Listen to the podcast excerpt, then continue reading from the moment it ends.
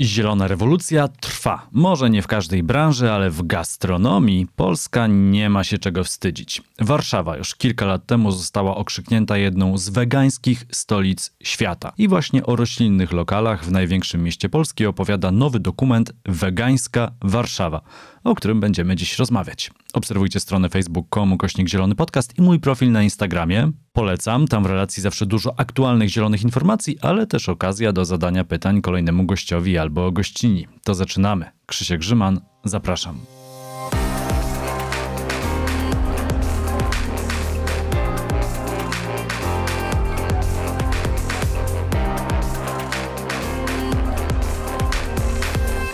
Gościem Zielonego Podcastu jest Kacper Nowicki z Green Ref Institute. Dzień dobry. Cześć, dzień dobry. My tutaj sobie rozmawiamy w wersji audio, bo to podcast, ale będziemy rozmawiać o czymś, co można zobaczyć już od kilku dni na YouTubie, a mianowicie o filmie Wegańska Warszawa. To jest historia roślinnych biznesów w stolicy. Tak, dokładnie. Film miał premierę 14 stycznia, można go zobaczyć teraz już na YouTubie. Najlepiej sobie po prostu wpisać e, tytuł, czyli Wegańska Warszawa właśnie.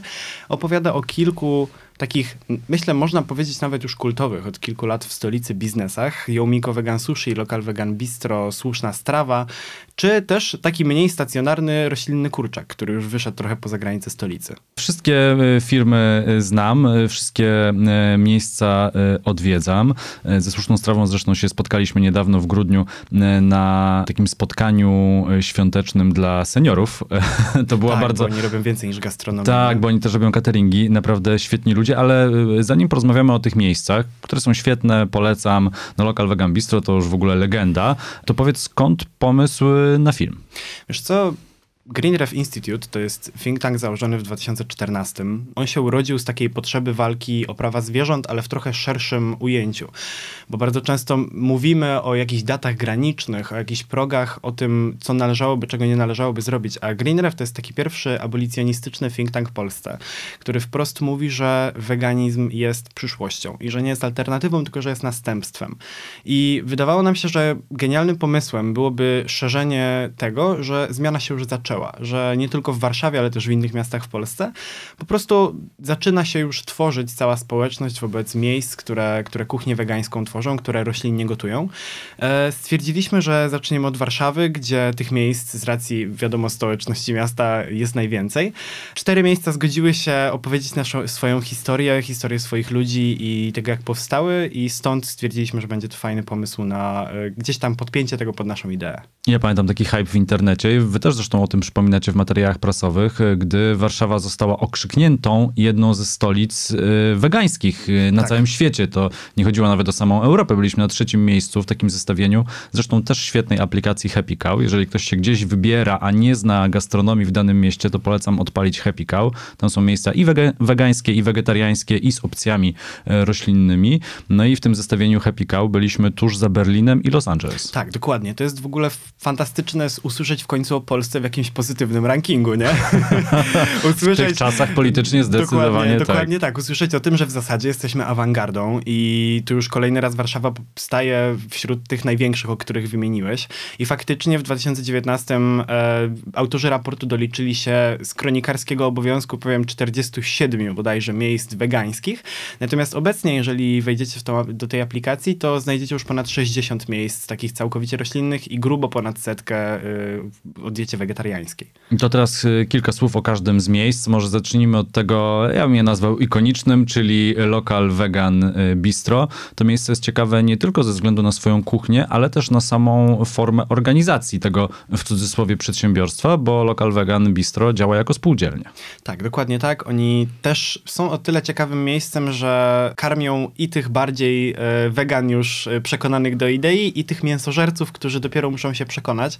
Myślę, że do ich roślinnego schabowego nie trzeba nikogo przypominać. O, wiedziałem, że ten temat się pojawi. Ten wegański schabowy jest tam dostępny w wersji klasycznej wegańskiej, jak i bezglutenowej. Tak, dokładnie tak. E, To jest miejsce już myślę kultowe, ono tak w zasadzie jak wiesz, przyjeżdżasz do Warszawy pierwszy raz z jakiegoś miasta i chcesz spróbować kuchni roślinnej, to na pewno polecam. Oni są cudownym miejscem e, i właśnie w wegańskiej Warszawie można poznać nie tylko historię samego jedzenia i ich rozwoju jako firmy, ale właśnie tego, dlaczego postawili na ludzi, dlaczego, te, dlaczego pieniądze i zyski, czyli coś, co jest często podstawą gastronomii takiej klasycznej, nie są dla nich najważniejsze, co im w ogóle potrwa, po, pomogło przetrwać pandemię, nie? Ten zgrany zespół ludzi i to, że byli ze sobą tak mocno zintegrowani, pomogło im w pewien sposób ten ciężki czas, czas przetrwać. No i myślę też, że wszystkim lokalom gastronomicznym, a mówię to także z własnego doświadczenia, bo sam prowadzę kawiarnię. Zresztą w zeszłym roku y, zrezygnowaliśmy z jedynej kanapki z mięsem. Nie jesteśmy miejscem wegańskim, jesteśmy miejscem już teraz wegetariańskim. E, zrezygnowaliśmy z tego dość y, świadomie z powodów y, głównie klimatycznych akurat, ale cierpienie zwierząt to oczywiście też każdy, kto nie je mięsa, ma z tyłu głowy. No ale wydaje mi się, że wszystkim lokalom, tym, którzy mają taką stałą bazę gości, taką mocną fanbazę, to bardzo, bardzo pomogło w trakcie pandemii. Tak, po prostu, gdy, gdy, gdy ludzie czują więź z tym miejscem, z tą ekipą, to nawet w pandemii przyjdą, zamówią na wynos y, albo z dostawą, jeżeli miejsce to oferuje i starają się pomóc, żeby to miejsce przetrwało. Tak, dokładnie. Wiesz, oni poza tym pokazują i to myślę, że odnosi się do wszystkich miejsc, o których będziemy rozmawiać. Oni pokazują, że zmiana się już zaczęła, nie? To znaczy bohaterowie i bohaterki filmu pokazują, że to nie jest tak, że jedyna kwestia klimatyczna, jaką możemy być na bieżąco, to COP w Glasgow i tam, gdzie Boris Johnson i Joe Biden sobie powiedzą coś o jakimś horyzoncie wielodekadowym, tylko że ta zmiana już jest i w zasadzie, wiesz, wiadomo, że weganizm nie jest tak naprawdę alternatywą, tylko jest przyszłością, nie? To jakby wszyscy naukowcy mówią, że to jest w zasadzie nasza jedna z nielicznych szans na uratowanie tego wszystkiego, no i faktycznie okazuje się, że ta zmiana już się dokonuje. Naukowcy to mówią i myślę, że na przykład duży biznes amerykański też to wie,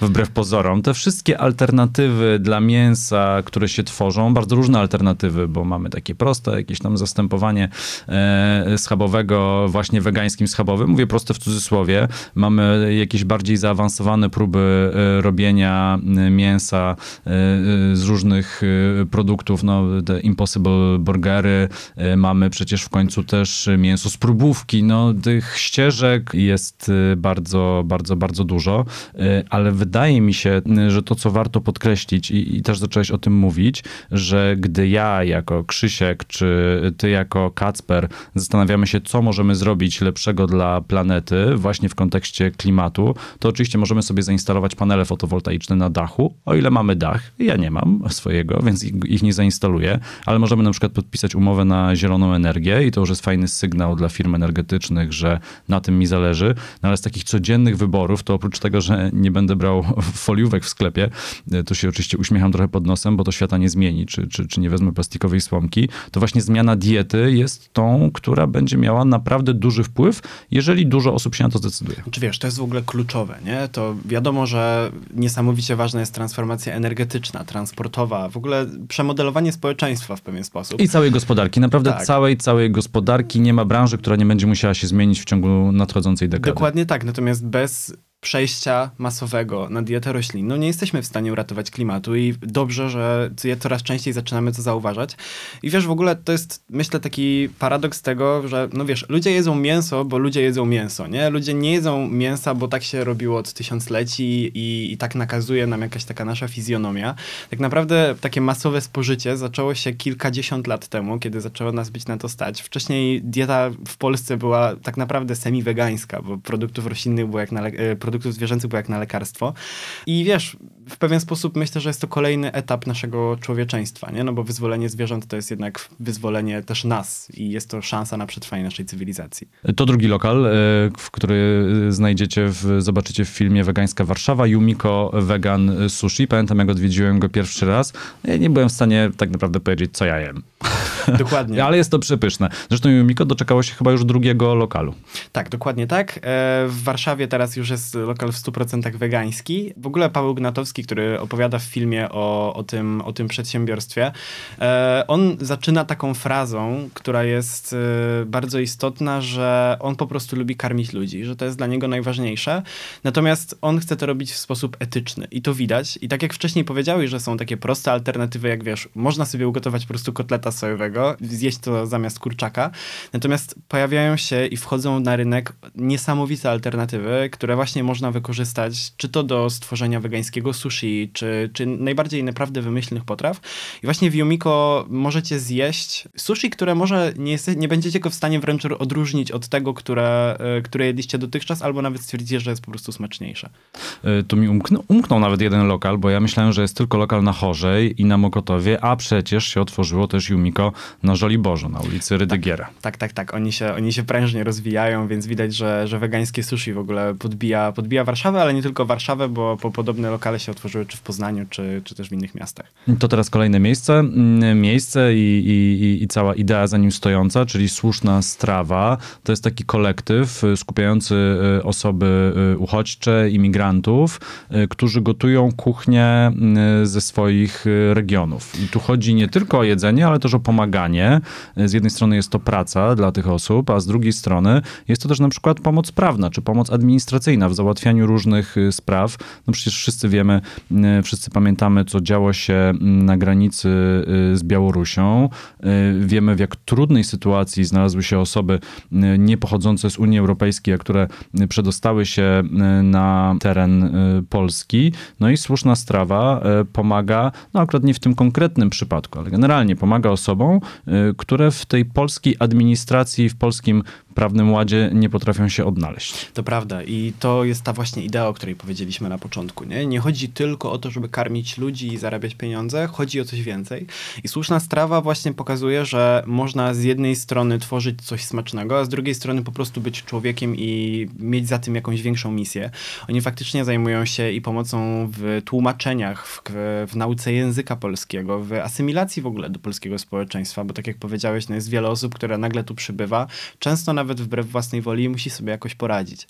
I Słuszna Strawa właśnie realizuje kilka tak, tego typu projektów. E, wiesz, mówiąc wprost, oni odwalają robotę za państwo, nie? To znaczy, to wiadomo, że jesteśmy w sytuacji, w której społeczeństwo obywatelskie wyręcza nasze państwo w wielu kwestiach, nawet nie dlatego, że wiesz, państwa na to nie stać czy coś takiego, tylko po prostu nie jest to wykonywane. I dokładnie było to widać w przypadku kryzysu na, na granicy polsko-białoruskiej. I problem polega na tym, że wiesz, oni nie otrzymują wsparcia systemowego nie tylko przez fakt tego, że sami dokonują transformacji systemu żywności, czyli czegoś, co jest kluczowe w kwestii, w kwestii poszanowania praw zwierząt i zmian klimatu, e, ale także po prostu prowadzą humanitarne programy pomocy ludziom, nie? co wydawałoby się, że jest jednym z podstawowych zadań państwa.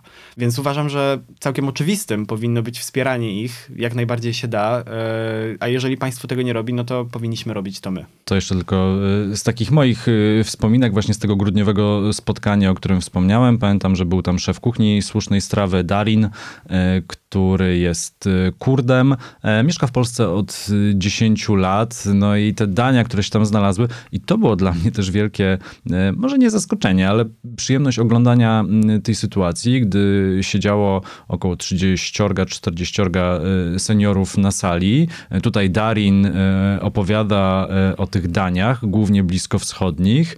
Była jeszcze Haregu z Erytrei, też ze słusznej strawy, która prażyła tam kawę na patelni, a później ją parzyła. I zastanawiałem się, jaka będzie reakcja tych osób na sali. No, wszyscy oblizywali sobie palce, oczywiście zgodnie z, z covidowymi restrykcjami, tak by, były zachowane, wszyscy oblizywali sobie palce i naprawdę byli zachwyceni tą y, sytuacją. Tak, to w ogóle był jeden z kluczowych, e, zało- to było jedno z kluczowych założeń, które przyświecało powstaniu filmowi i Marcin Anaszewicz i Anna Spurek, którzy reżyserowali ten film i, i Anna, która przeprowadza wywiady z tymi ludźmi, e, oni położyli bardzo duży nacisk na to, żeby właśnie poznać ludzi tworzących te miejsca. No i tam były wywiady chociażby z dziewczyną z Białorusi, która po wyprowadzce dopiero do Polski na studia przestała jeść mięso, a w końcu zaczęła jeść roślinnie i wejście w tą społeczność gastronomiczną, w tą, wiesz, po prostu taką trochę nową, małą społeczność rodzinną, to pomogło jej po prostu poczuć się jak u siebie, nie? I myślę, że to jest to, o czym, co najlepiej widać w filmie. Y, to teraz y, czwarte, już nie miejsce tak naprawdę, a bardziej produkt, y, roślinny kurczak kto, y, jeżeli są to jacyś fani na przykład y, KFC, i tam chyba była taka kanapka, y, czy taki właściwie wrap, który się nazywał Twister, z tego co pamiętam, Tak, jeszcze tak, z tak, zamieszłych czasów e, odwiedzania tego typu miejsc. Y, No ja sam nie jem mięsa dość krótko, no tam od d- 2017 roku to, to raptem 4,5 roku. No to y, jeżeli się podmieni kurczaka na roślinnego kurczaka w tym tak zwanym zauważysz. twisterze, nie zauważysz. Nie ma opcji. Nie, nie, ma, nie ma opcji, tym bardziej, że to, co jemy w, w sieciówkach, nie wymieniając już żadnej nazwy, to jest pewnie tak przemielone ze wszystkim, że nawet y, nie wiadomo, co to jest. E, Do roślinny kurczak idealnie pasuje. Wiesz, ja zawsze mówię i to w sumie mi się ukuło gdzieś tak samemu, jak musiałem tłumaczyć weganizm e, i rodzinie, znajomym i wszystkim musiałem tłumaczyć, że wiesz, nie umrę od i że nie jem samej trawy, nie? E, To wiesz, cały smak tego, co my jemy, jest w 99% brany z roślin. Wiesz, smażymy na oleju roślinnym, przyprawiamy wszystko roślinami. Zał- założę się, że jakbyś teraz wyszedł na ulicę i poprosił ludzi o wymienienie jednej przyprawy, która nie pochodzi od roślin, to by nie byli w stanie, nie? Bo wszystko jest z tego brane.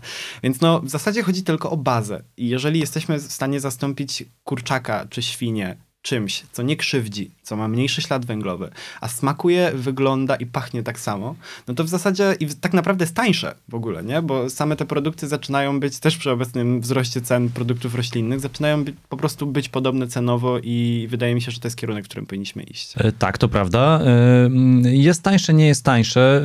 E, O tym też mówi Sylwia Spurek bardzo głośno, że nie możemy dotować przemysłu mięsnego na, na, na, na taką skalę, czy w zasadzie na żadną skalę, bo absurdem jest, że idąc do jakiegoś marketu czy dyskontu, e, taniej kupisz kilogram kurczaka niż kilogram, kilogram pomidorów. Dokładnie tak. I wiesz, najstraszniejsze jest to, że my dotujemy nadal wciąż w 2021 roku i w 2020 generalnie rok rocznie to wygląda podobnie. Wydaliśmy kilkadziesiąt milionów euro z publicznej kasy unijnej na reklamy mięsa i przemysłu mleczarskiego. Nie? To jest po prostu coś absurdalnego. I wiesz, ja ostatnio byłem na targach edukacyjnych, już nie powiem w którym mieście, żeby nie robić negatywnej reklamy.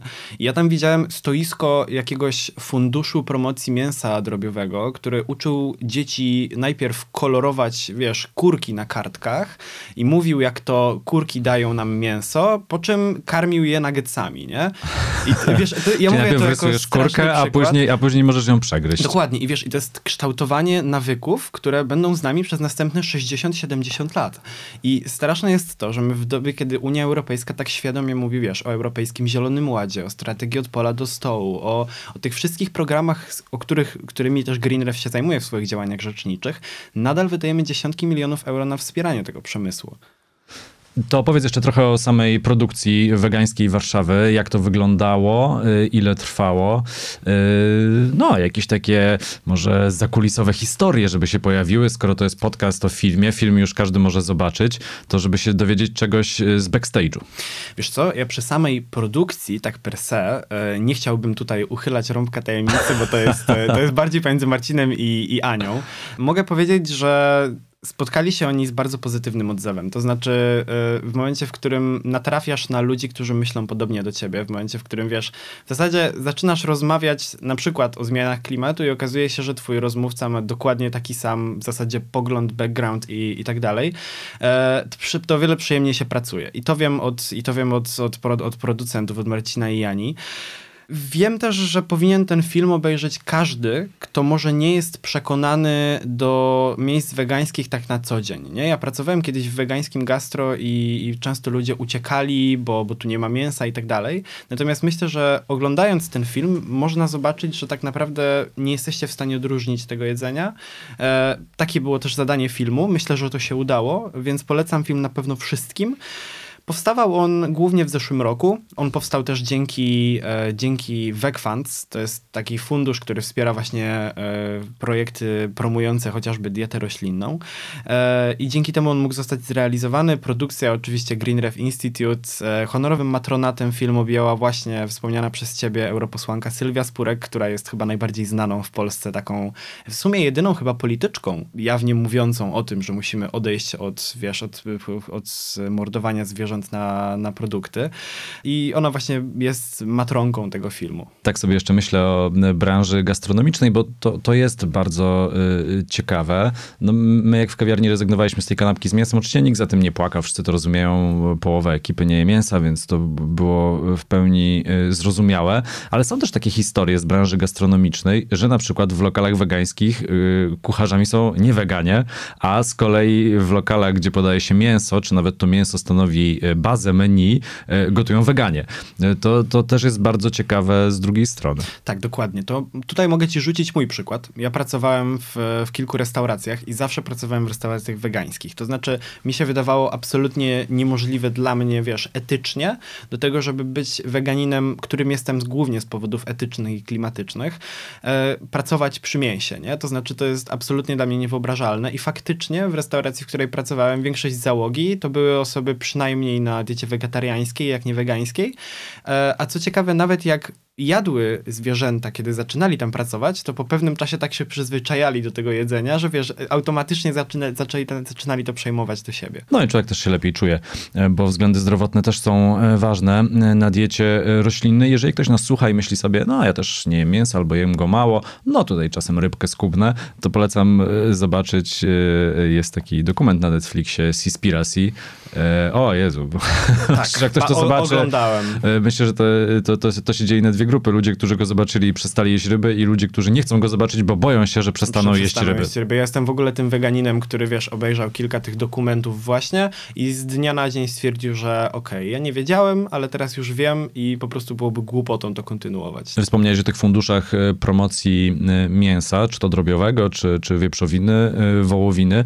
Też, też trzeba przyznać, e, może ja nie jestem wielkim fanem wielkich koncernów spożywczych, ale to trzeba zauważyć, że te koncerny też zauważają zmianę. To, że kabanosy e, tarczyński są w wersji roślinnej, to tak naprawdę też jest dla nich biznes, albo to, że y, spółka mleczarska czy, czy, czy firma Piątnica wprowadziła ostatnio mleka roślinne do swojej oferty, to pokazuje, że ta zmiana na rynku się dzieje. Znaczy tak, wiesz, ciężko, żeby się nie działa, skoro duża część ich konsumentów po prostu przestaje jeść ich produkty, nie? To wiadomo, że oni po prostu robią badania i widzą, że, że taki, jest, e, taki jest ruch społeczny.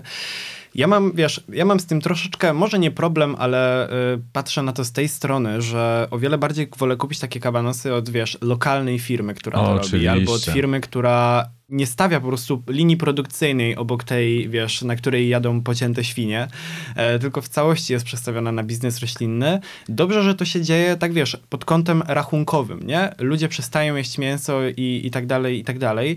Natomiast generalnie trzeba zauważyć, że te wszystkie biznesy często posługują się różnymi greenwashingowymi Mm. e, praktykami, a także humanwashingowymi, co jest ważne. To jest w ogóle termin, który dopiero od niedawna się pojawia, czyli takiego wybielania krzywd, nie? Takiego stawiania właśnie roślinnych kabanosów obok mięsnych kabanosów, pokazywanie, że to jest prawie to samo, natomiast pokazywanie konsumentom, że tak naprawdę to się za bardzo nie różni. Jak kupisz to mięso, to będziesz miał prawie czyste sumienie, bo przecież ta firma też robi roślinne. I o ile to nie ma takiego wydźwięku w sklepie, ale w badaniach wychodzi, że potem wiesz, że ludzie patrzą na te firmy bardziej łaskawym okiem i często te wprowadzanie produktów roślinnych jest trochę wybielaniem samego siebie, nie? Więc Wy jesteście roślinnymi ortodoksami, całkowicie rozumiem te pozycje, ale też patrzę szerzej, że jednak ta zmiana będzie trochę trwała. E, I, i, to, to nie jest proces przestawienia się całego społeczeństwa w ciągu trzech lat na e, dietę roślinną. A jak słyszysz flexitarianizm, to co sobie myślisz? Bo to jest taki termin, nie wiem przez kogo ukuty, ale bardzo chętnie wykorzystywany przez część branży mięsnej. Na zasadzie e, e, twoja dieta jest zbilansowana, raz zjesz roślinnego burgera, a na śniadanie plasterek szyneczki. Wiesz co, ja się z tobą zgadzam a propos tego, co powiedziałeś, że to jest długotrwały proces. To absolutna zgoda i my mamy tego wszyscy świadomość i po, pomimo tego, że wiesz, w Green Ref Institute absolutna większość osób to są weganie i weganki. W zasadzie nie znam nikogo, kto nie byłby na roślinnej stamtąd, ale e, my sobie w naszym celu, w naszej wizji mówimy, że my biegniemy ultramaraton, nie? To znaczy, wiesz, my nie myślimy, że za trzy lata cały świat będzie wegański, bo wiemy, że tak nie będzie. Natomiast my biegniemy ultramaraton, na którego końcu jest wyzwolenie zwierząt i tym samym wyzwolenie ludzi i ocalenie naszej cywilizacji przed katastrofą klimatyczną. I wiemy, że tak naprawdę każdy krok, który nas pcha w tym kierunku jest dobry. Natomiast naszą misją jest pokazywanie, że zmiany jak najszybsze i jak najbardziej promujące dietę całkowicie roślinną są najważniejsze. Oczywiście fleksitarianizm jest często stacją, nie? Myślę, że y, nie ma osób, które byłyby fleksitariańskie na przykład 20-30 lat. Raczej często jest to proces, który potem się prze, przeradza w wegetarianizm i w weganizm. I ja personalnie, wiesz, rozumiem, że to może być ciężkie, nie? Rozumiem, że może być ciężkie przerzucenie z dnia na dzień swoich całych życiowych nawyków. Ja akurat przeszedłem na weganizm z dnia na dzień. Wiem że też, że niektóre osoby muszą to sobie rozłożyć w czasie i to rozumiem.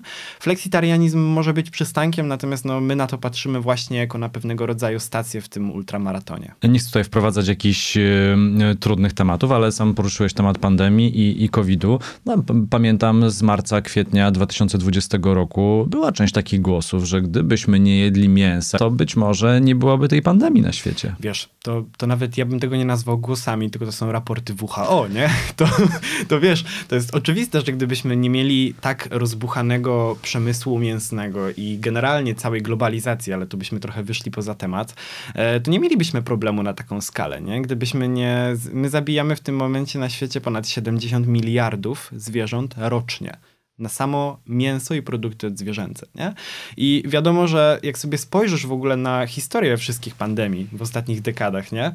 SARS, MERS, e, świńska grypa, ptasia grypa, nie? to się wszystko wzięło od tego, że wykorzystujemy w pewien sposób zwierzęta, no i najprawdopodobniej COVID też miał takie podłoże. Nie? To jeszcze tak już e, powoli kończąc, e, jeżeli ktoś się zastanawia nad przejściem na dietę roślinną, to może oczywiście odwiedzić jedno e, z miejsc przedstawionych, jeżeli ktoś mieszka w stolicy, to może odwiedzić jedno z miejsc e, przedstawionych e, w filmie Wegańska Warszawa e, i zobaczyć, czy mu to pasuje, czy mu to smakuje, jak kuchnia roślinna może zaskakiwać. Myślę sobie, że tak naprawdę o innych miastach w Polsce, na przykład o Poznaniu, dałoby się też już nakręcić taki film. Myślę, że tak. Ja jestem, akurat tutaj już zdradziłeś, ja jestem od urodzenia dumny z pochodzenia, jak to się często śmieje, parodiując to hasło, bo tak faktycznie jestem z Poznania i tam knajpy wegańskich jest zatrzęsienie wielkie. Ref też pokazuje jakby przykłady z innych miast i myślę, że to też jest pewnego rodzaju stacja, którą będziemy rozwijać. Też w ogóle zachęcam do śledzenia nas i na Facebooku, i na Instagramie Green Ref Institute. Tam się będzie sporo działo w tym roku, zarówno pod kątem rzeczniczym. My teraz tworzymy taką koalicję organizacji Future Food for Climate, która będzie właśnie rzecznicza e, pod kątem na płaszczyźnie krajowej, ale też unijnej, pod kątem transformacji systemu żywności. E, I generalnie będzie się sporo działo, więc jeżeli jesteście zainteresowani dietą roślinną w jakikolwiek sposób, to zapraszam. E, może ktoś się przekona, może zobaczy po prostu pewne naukowe aspekty, które, do, do, którego do tego popchną. Jeszcze chciałem tylko wspomnieć y, o partnerach specjalnych y, tego projektu Plant-Based y, Treaty i Akcja Demokracja. Moim zdaniem bardzo ważne, bo to jest wyjście poza bańkę. Dokładnie tak. Dokładnie tak. Co ciekawe, w ogóle jedna z szefowych Akcji Demokracji też jest weganką. To, to swoją drogą tak, tak u, u, rąbek tajemnicy uchylając.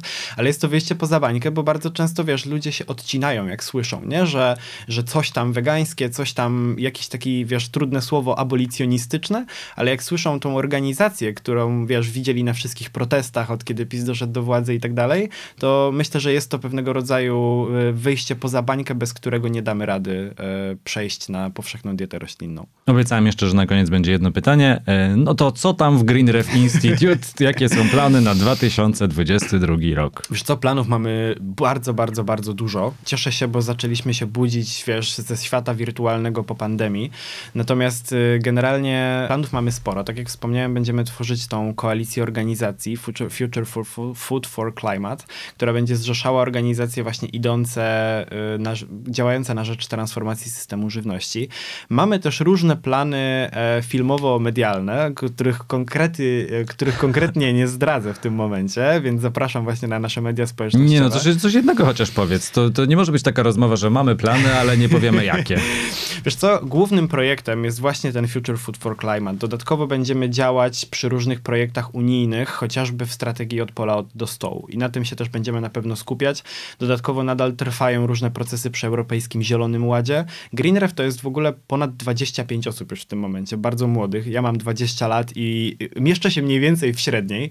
I my generalnie działamy i na płaszczyźnie krajowej, i to jest właśnie jeden z naszych projektów takich na skalę polską, chociaż też staramy się z nim wychodzić za granicę, ale też działamy bardzo silnie na płaszczyźnie unijnej, zbierając różne opinie, przedstawiając nasze stanowiska i też wychodząc do nawet instytucji państwowych i unijnych z różnymi kwestiami. Gościem Zielonego Podcastu był Kacper Nowicki z Green Reef Institute, osoba, która dużo może powiedzieć o diecie roślinnej, ale wydaje mi się też o życiu Zero Waste, bo widzę tutaj na twoim notesie Europejska Partia Ludowa. E, Nie pasuje to e, politycznie do linii Green Ref, to ale podoba mi się, że wykorzystujesz e, ten papier, bo ktoś mógł powiedzieć, nie lubię ich, wyrzucam do kosza. To ja od razu wyjaśnię, bo wiesz, żebym zaraz nie był posądzony o jakieś afiliacje. Kartkę tą dostałem bodajże z 4 lata temu od mojej znajomej europosłanki Agi Kozłowskiej-Rajewicz, jak byliśmy w jednym zespole miejskim w Poznaniu i faktycznie nie wykorzystałem jej, bo staram się przerzucać wszystko, wiesz, na elektronicznie, żeby papieru nie wykorzystywać, ale faktycznie jeszcze różne takie archiwalne materiały mam ze sobą. Kacper, ja się tylko uśmiecham, bardzo dziękuję za rozmowę. Dzięki. To był Zielony Podcast, kolejny odcinek w niedzielę. W wolnym czasie zajrzyjcie na stronę facebook.com gośnik Zielony Podcast i mój profil na Instagramie. Tam w relacji zawsze dużo aktualnych zielonych informacji, ale też okazja do zadania pytań kolejnemu gościowi albo gościni. Krzysiek Grzyman, do usłyszenia.